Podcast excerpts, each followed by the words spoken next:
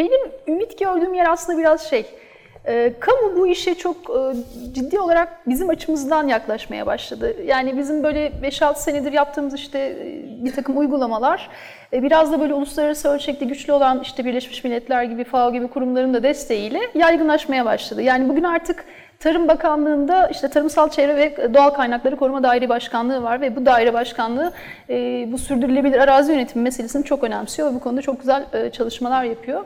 Çünkü onlar hani bu işi biraz e, hukuksal olarak desteklemedikleri sürece bizim yaptıklarımız güzel örnekler olarak kalabiliyor bazen.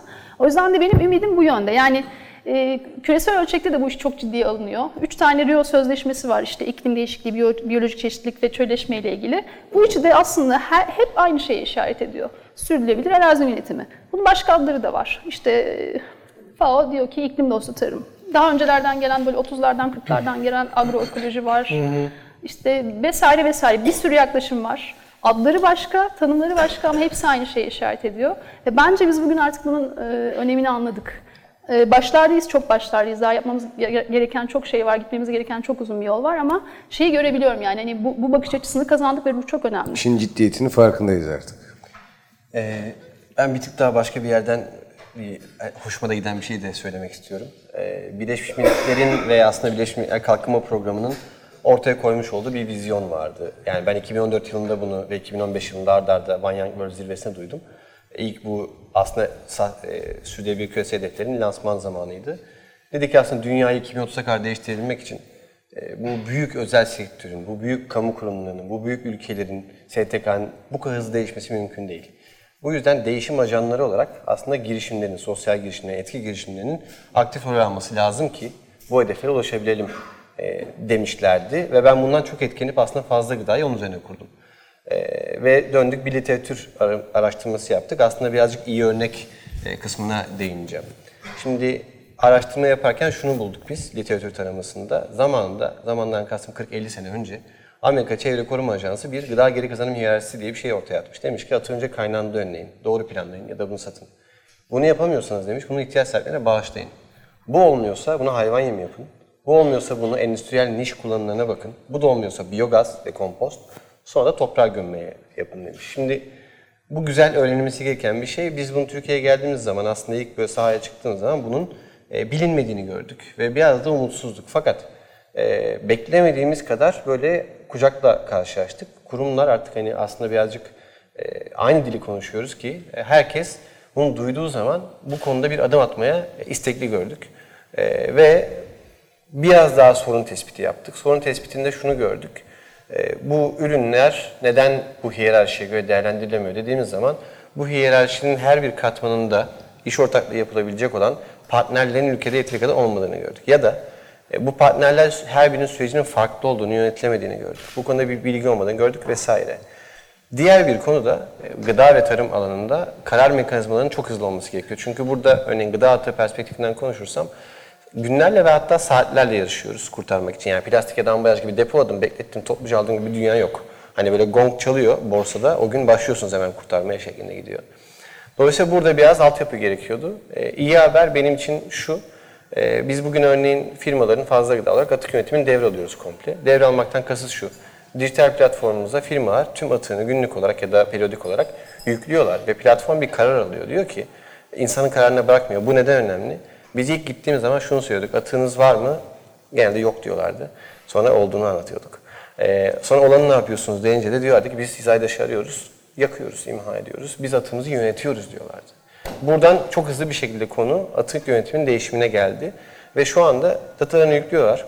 Platform karar veriyor. Diyor ki bu ürün satılı, hala satılabilir. Bu ürün ihtiyaç sahibine bağışlanmalı. Bu ürün hayvan yemi olmalı. Bu ürün biyogaz olmalı gibi. Ve örneğin e, işte bir defada 350 ton ürün alıyoruz. 350 ton ürünün 30 tonunu Türkiye çapında ihtiyaç sahiplerine bağışlarken 50 tonunu hayvan yem tesislerine ham madde olarak gönderiyoruz. Diğer 70 tonunu biyogaza gönderiyoruz. Bunlar böyle dinamik gidiyor. Ee, benim için güzel haber. Burada toprağa gömme sıfır bırakıyoruz. Şu ana kadar toprağa hiçbir şey gömmedik. Yaklaşık 14 bin ton e, gıda kurtardık bu şekilde. Birincisi dediğim gibi en güzel taraf kucaklanmış olmamız ve firmaların bu sistemi değiştirmeye adım atmış olması. E, ve bu katmanlı yapının veya aslında sıfır atık bırakacak gerçek yaklaşımın doğru uygulanmış olması.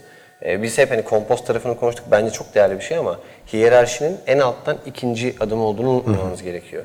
Önceliğimiz hep yukarı katmanlara bu işi atmak olması gerekiyor. E, daha iyi yapabileceğimiz şey ise şu, e, sadece kucak açmak değil, özel sektöründe diğer kurumlarında bunu daha çok e, yani inisiyatif alıp ileri götürmesi. Örneğin şimdi 25 Ekim'de Berlin'de bir sürdürülebilir perakende zirvesi var. Oraya metro ile beraber çıkacağız. E, Avrupa'dan da birkaç tane girişim var bu konuda. Ama orada biz inişiyet etmedik, yani biz başlamadık. Metro bizi çağırdı. Türkiye'de de aslında firmaların, bu sadece fazla gıda için değil, tüm e, Birleşmiş Milletler'in vizyonuna itibaren söylüyorum aslında. Girişimleri bu konuda etkin bir şekilde kullanılması gerekiyor ki biz bu değişimi hem metodolojik doğru bir şekilde hem işte örnek olacak şekilde hem de hızlı bir şekilde yapabilelim. Çok teşekkürler. Şimdi sorulara geçiyoruz. Ee, soru yok galiba. Peki falan yok şaka. Hocam buyurun. Merhaba, Hocam mikrofon. Ee, ben Münevver Sapan. Ee, Geri dönüşüm öğretmeniyim. Yaklaşık 10 yıldır bu işi yapıyorum. Ve öğrencilere atıkların e, doğaya verdiği zararı anlatıyorum. Ve onunla geri dönüşümden ürün üretiyoruz. Yaptığımız ürünleri öğrenciler kendi evlerinde kullanıp ve hediyelik eşya olarak kullanıyorlar. Ee, Biz bu konuda, e, sizin anlattığınız konuda biz e, daha fazla neler yapabiliriz? Onunla ilgili bir soru sordum. Yani neler yapabiliriz? Daha fazla ne yapabilirim? Hani bu konuda bunun eğitimini ver- verirken e, öğrencilerle birlikte ya da kamu kurumlarıyla ilgili neler yapabiliriz? Daha na- nasıl? Hani az yapmış diye görünüyor. Hani çok fazla yapmamışım diyor. Daha da fazla yapmak istiyorum. Ama ne yapabilirim? Evet, Çünkü bunun zaten toprağa zarar verdiğini biliyoruz. Canlılara zarar verdiğimizi biliyoruz ve bunun eğitimini verirken de hem yaş grubu yok, her yaştaki insanlara bunu e, anlatıyoruz ve gerçekten insanlarımız bu konuda çok duyarlı ve yaptığı ürünlerden de çok memnun oluyorlar, çok mutlu oluyorlar. E, demek istediğim şey daha neler yapabiliriz? Bu konuda e, bir birey olarak e, üstümüze düşen nelerdir? Onu merak ediyorum. Ne yapabiliriz? Teşekkür ediyorum, sağ olun. Ben bir yorumda bulunabilirim. Tabii ki lütfen. Ee, şöyle aslında öğretmenim dediğiniz için yani birçok şey yapılabilir tabii ki de. Hani direkt o alanla ilgili aklıma bir örnek geldi. Tam ülkeyi hatırlamıyorum yani Norveç, Finlandiya olabilir. Ee, bizim şu anda olduğumuz aşamadalarmış. Yani sıfır atık konseptinin, geri dönüşüm konseptinin aslında anlatıldı. Yine 30-40 sene öncesinden bahsediyoruz tabii. Ee, bu, bu işi değiştirmenin ilk adımını şöyle atmışlar. Ee, ilkokul öğrencilerine e, okulda sadece müfredatı almak değil, gerçekten e, üzerine düşerek bir eğitim programı başlatmışlar ve programın ötesi şu olmuş, öğrencilerin ödevi şu, mahallelerine çıkıyorlar, kapı kapı çalarak işte yaşlılara, orta yaşlara, herkese ders aldıklarını öğretmek zorunda, ödevleri bu. Ve bir anda bütün ülkede çocuklar kapı kapı çalarak geri dönüşüm anlatmaya başlıyor. Ee, ve değişim oradan sonra oluyor. 5 sene içerisinde bütün ülke sıfır hata geçiyor. Ee, şimdi biz bunu tabii e, iletişimini yapıyoruz, yukarıdan geliyor. Öğretmen olduğunuz için hani söylemek istedim. Aslında alttan bu işi başlatmamız çok önemli. Bunun için zaten bir modül yazdım ben. Hayat Boyu Öğrenme Genel Müdürlüğü'ne gönderdim ve uzun süre 4 ay boyunca uğraştım. Bu geri dönüşüm üzerine bir modül yazdım. Çünkü bu okullarda olmadığı için eğitimini de veremiyoruz. Siz yani bu senin alanın değil diyorlardı ama ben 10 yıl büyük bir emek verdim buna. Yani geceli gündüzü bazen gece uykum kaçıyordu kalkıp oturup e, bir şeyler yapıyordum. Evdeki atıklarımı da atmıyorum. Hemen onu dönüştürüp bir hediyelik eşya yapıp birine hediye ediyorum. Ya da okulda sergiliyoruz onu, sergide yapıyoruz. Öğrenciler, küçük çocuklar yapıyor bunu. Her yaş grubu. Yaşlı teyzelerimiz bile büyük bir zevkle yapıyor bunu. Hocamız 3000'den fazla çocuğa erişmiş. Evet. İlkokulda yaptım. Bunu sergisini de verdim. Ee, halk eğitim merkezlerinde, e, birçok yerde bunun eğitimini verdik. Ee, umarım çok güzel, daha e, güzel yarınlar için elimizden geleni hepimiz yapacağız. Çok teşekkürler sağ olun. Bu enerjinizi de ne olur kaybetmeyin. Ee, aynı zamanda e, Diyarbakır Bağlar İlçe Kaymakamımızın önerisiyle e, çok özel bir çalışmaya imza atacağız. Bunun çalışmalarını yürütüyoruz. E, bu atıkları dedik, e, çöpçüler topluyorlar, çöpçü bahsettiğimiz. Özellikle e, ülkemize gelen misafirlerimiz, Suriyeli vatandaşlar bunu toplayarak e, satıp bir gelir elde etmeyi düşünüyorlar. Tabii bunu yaparken bilinçsiz yaptıkları için çevreye de zarar veriyorlar. Nasıl toplayacaklarını bilmiyorlar. Ne şekilde depolayacaklarını bilmiyorlar satana kadar. Yanlış bir işlem yapıyorlar. Bunun için kaymakamlığımızla beraber bir çalışma yürütüyoruz.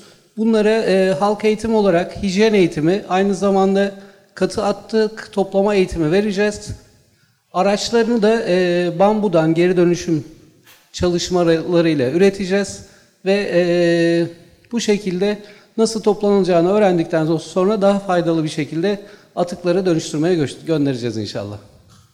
Teşekkür ederiz. Sağ olun. Sorular? Merhabalar, e, Vegan Derneği Türkiye'den ben, e, Barış Bayram.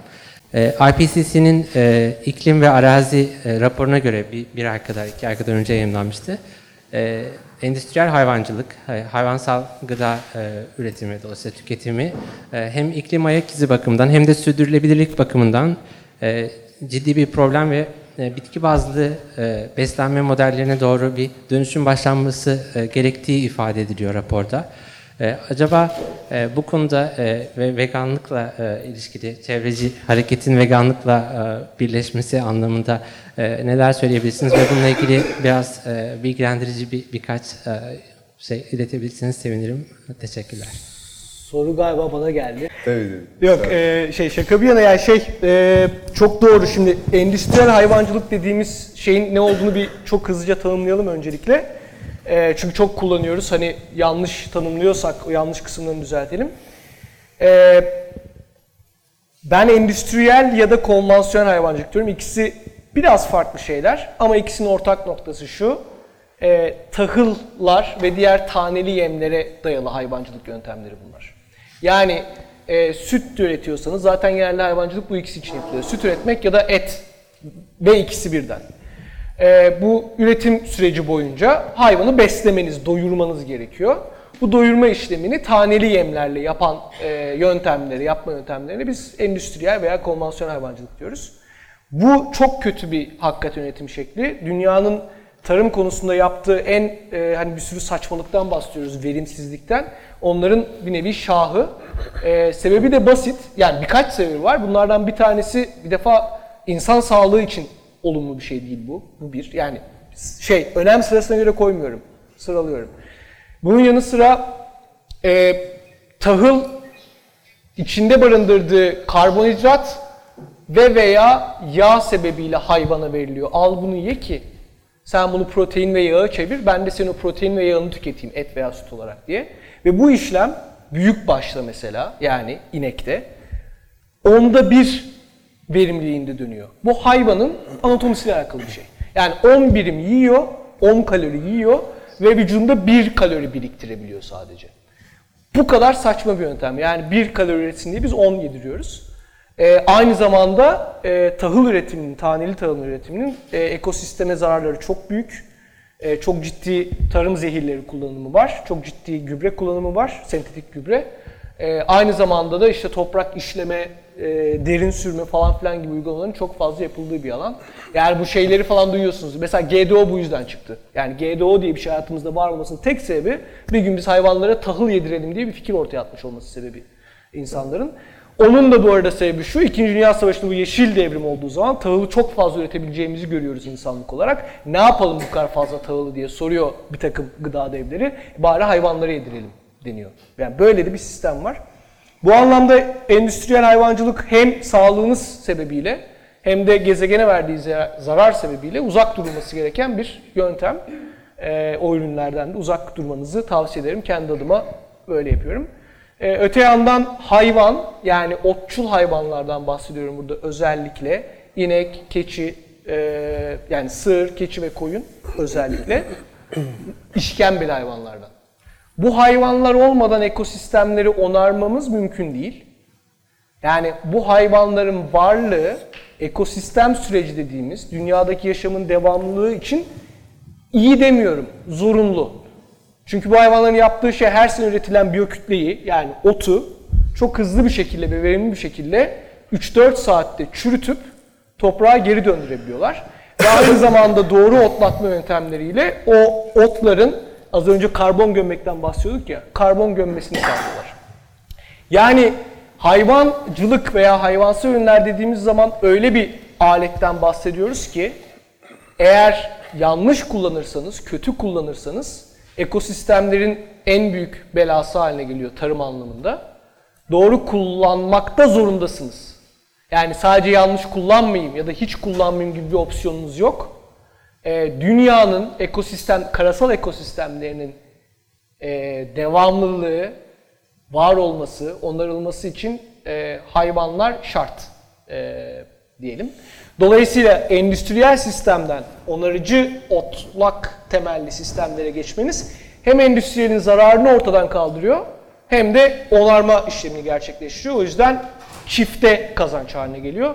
Ee, Bizim de hayvancılığa bu kadar önem vermemizin sebebi bu yani temelde aslında. Yoksa Türkiye'de bir gıda startup'ı başlatacaksanız tarım konusunda en son e, önereceğim konudur hayvancılık. Yani yemiş konusunda yapın, ne bileyim işte yani sebze, ot falan hayvancılığa sakın girmeyin. Çok kötü yani e, çok kaotik bir durum e, içerisindeyiz.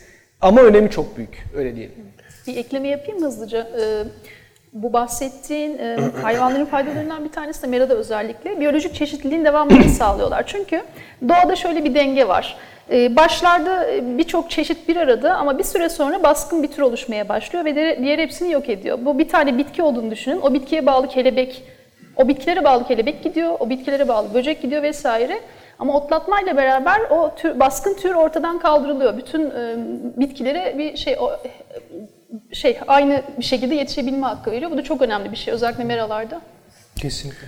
Çok ufak ben de bir ekleme yapmak istiyorum. Biraz çevresel etkisi tarafından. Şimdi biz konuya genelde bakarken iki türlü bakıyoruz. Bir, mevcutta olan çevresel etkiyi nasıl daha azaltırız, yönetiriz. İki, bunu nasıl hani kaynağında azaltırız diye.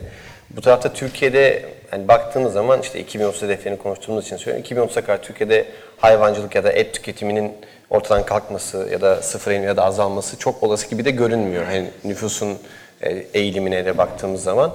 Fakat hayvancılığın yapılış şekline baktığınız zaman genelde şunu görüyoruz. Örneğin işte bir iki tane şey attınız, e, çıkma prefabin yan tarafına attınız, etrafını çalı çırpı kapattınız, çiftlik sayılıyor. Yani devletin hayvancılık teşviğinden faydalanabilmek için de böyle derme çatma yerler yapmanız yeterli. E, fakat aslında dünya standartında mevcut olan için konuşuyorum. Bir hayvancılık yapılacaksa eğer dünya standartında yapmak, gene bunun işte gazını, gübresini vesairesini düzgün kullanmak, her bir çiftliğin kendi biyogaz tesisinin olması gibi, kompostun çıkartması gibi çözümlere gidebilsek, tesislerin baştan böyle kurulmasını sağlasak iklim e, krizine çok direkt olarak bir çözüm yaratabiliriz. Çünkü aslında mahalli olarak da yani yerel böl- bölgelerde de bugün Trakya'ya, Ege'ye baktığınız zaman sadece Ege'de bildiğim kadarıyla 10 bin tane falan şey var.